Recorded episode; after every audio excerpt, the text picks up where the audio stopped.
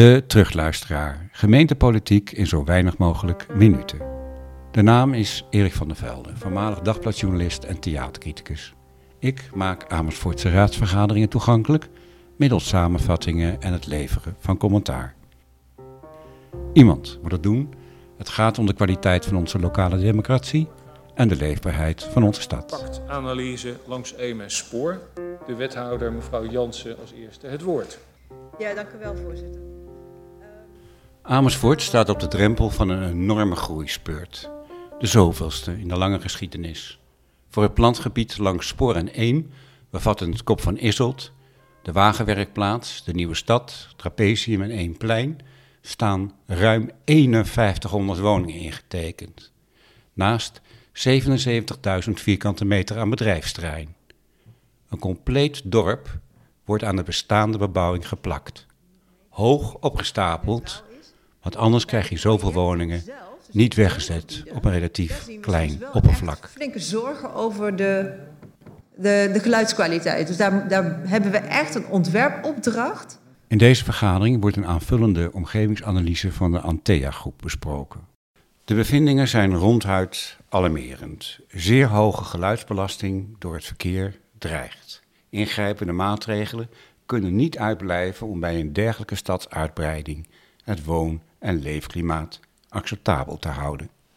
Dank u wel. Uh, ik ben Jus Vroer van uh, Antea Group. Uh, nou, wethouders hebben al heel Op veel... basis van actuele verkeersmodellen komt dit consultancybureau toch nog tot aanbevelingen waarmee de bouwambities doorgang kunnen vinden. Het college moet een vooruitziende blik hebben gehad, want al die aanbevelingen staan al in het coalitieakkoord. We zagen het eerder in Amersfoort, onder meer bij de westelijke ontsluiting. Uitkomsten die een gemeentelijke opdrachtgever blij De maken. omgeving kan ontstaan door het verkeer en daarmee samenhangend het geluid wat daarmee ontstaat.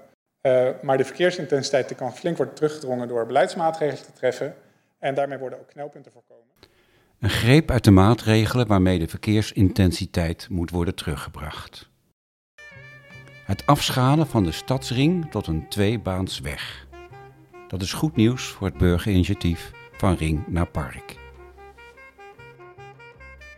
Het terugbrengen van de maximale snelheid naar 30 km per uur binnen de bebouwde kom, met uitzonderingen van vierbaanswegen en enkele gebiedsontsluitingswegen, Kersenbaan, Bargman-Betierslaan, Daam-Fokkemalaan, Oudputweg, Maatweg en de Zielhorsterweg. Het uitbreiden van gebieden waarin parkeervergunningen gebruikt worden. Het tarief voor parkeervergunningen voor een tweede en derde auto verhogen. Het hanteren van een bezoekersnorm van 0,05 parkeerplaatsen per woning. Dat is heel weinig plek voor bezoekers. Het verhogen van de parkeertarieven op straat. Het hanteren van de parkeernorm 0,2 in Hoefkwartier en langs Eem en Spoor, ofwel twee parkeerplekken op 10 huizen.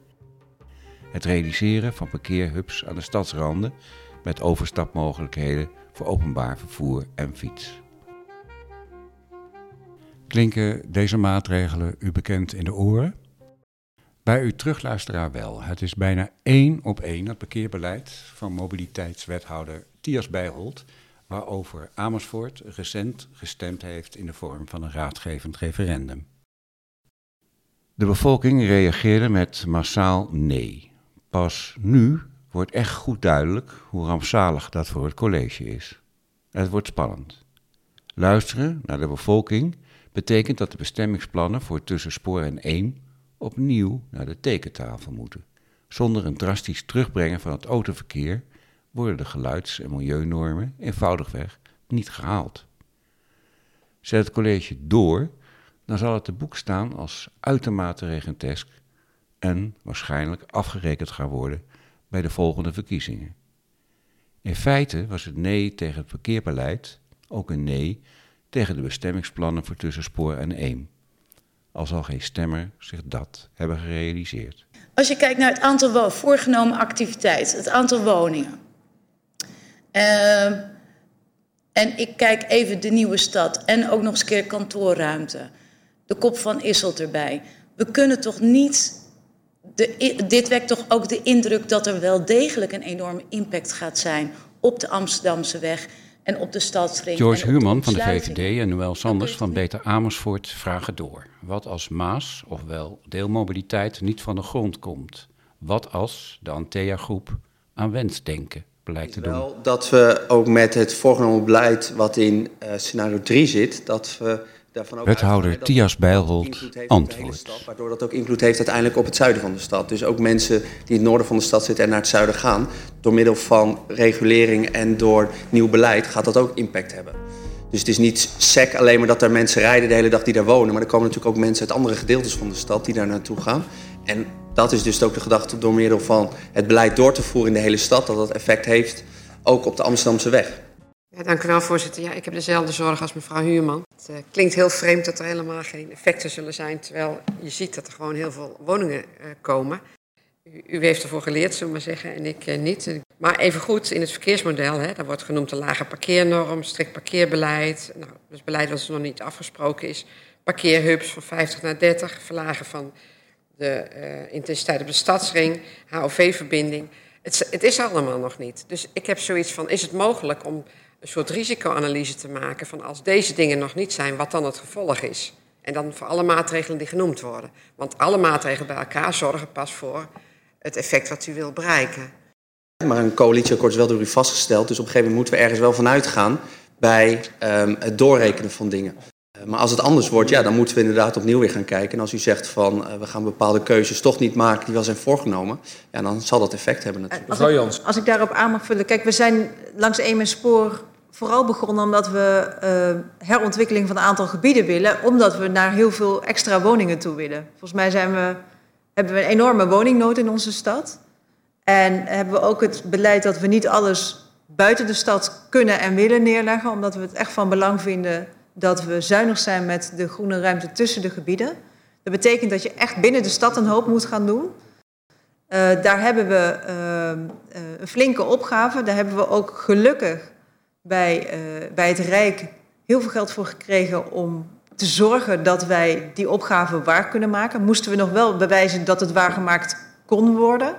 Dat hebben we met dit, dit onderzoek kunnen bewijzen. Hè. We, we kunnen laten zien aan het Rijk, verkeerstechnisch, is het allemaal oplosbaar met al die vragen die we nog meer, die, die, die kwaliteitsslag die we ook willen in onze stad.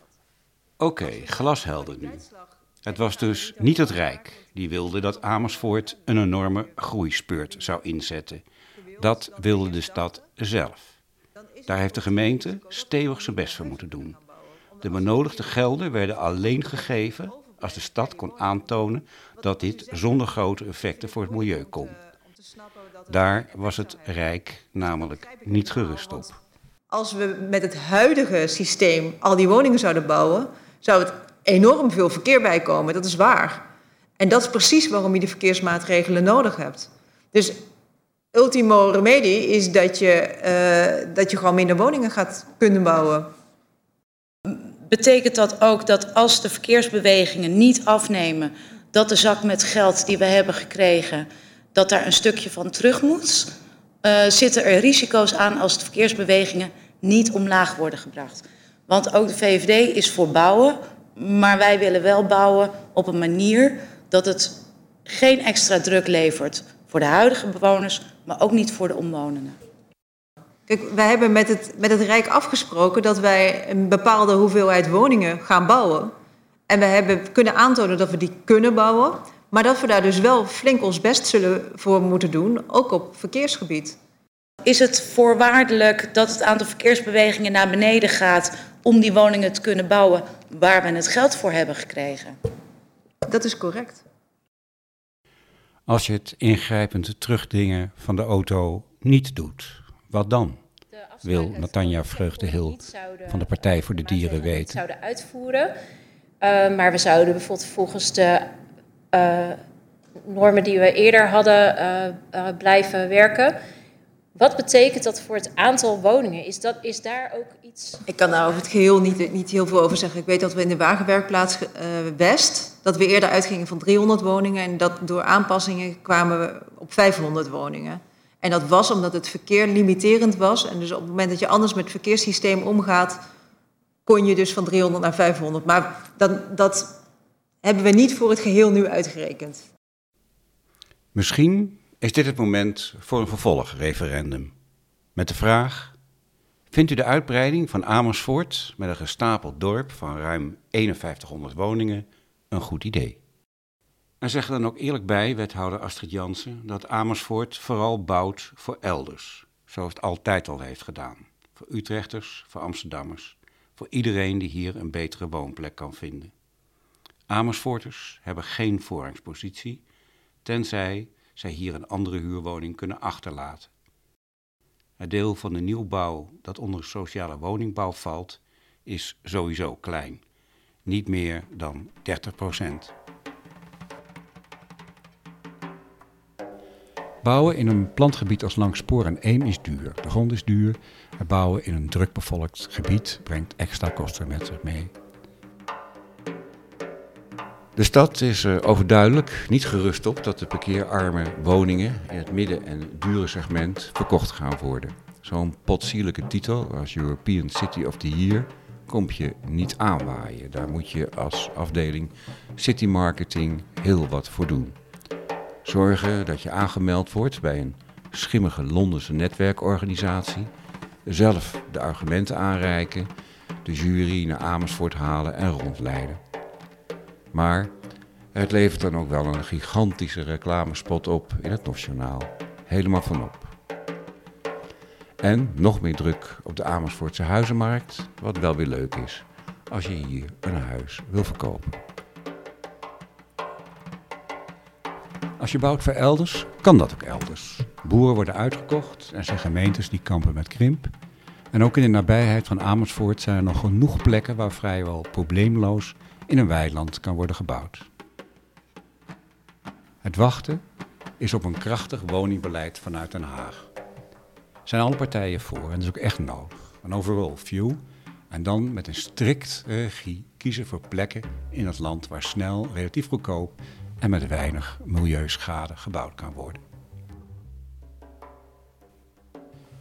En uiteraard vindt ook uw terugluisteraar dat er gebouwd moet worden tussen Spoor en Eem. Dat gebied vraagt daarom. Het is het rafelrandje van de stad. Maar dan niet met de insteek van hoe zetten we er zoveel mogelijk woningen weg en houden we het ook nog een beetje leefbaar. Maar met de insteek van Kattenbroek en Vathorst. Hoe creëren we bijzonder architectonische wijken? Hoe zorgen we ervoor dat Amersfoort over 100 jaar nog steeds uitgeroepen kan worden tot European City of the Year? Tot zover een zorgelijke terugluisteraar. Op naar de volgende vergadering. Welgemoed met een tikkeltje zuur en een tikkeltje zoet.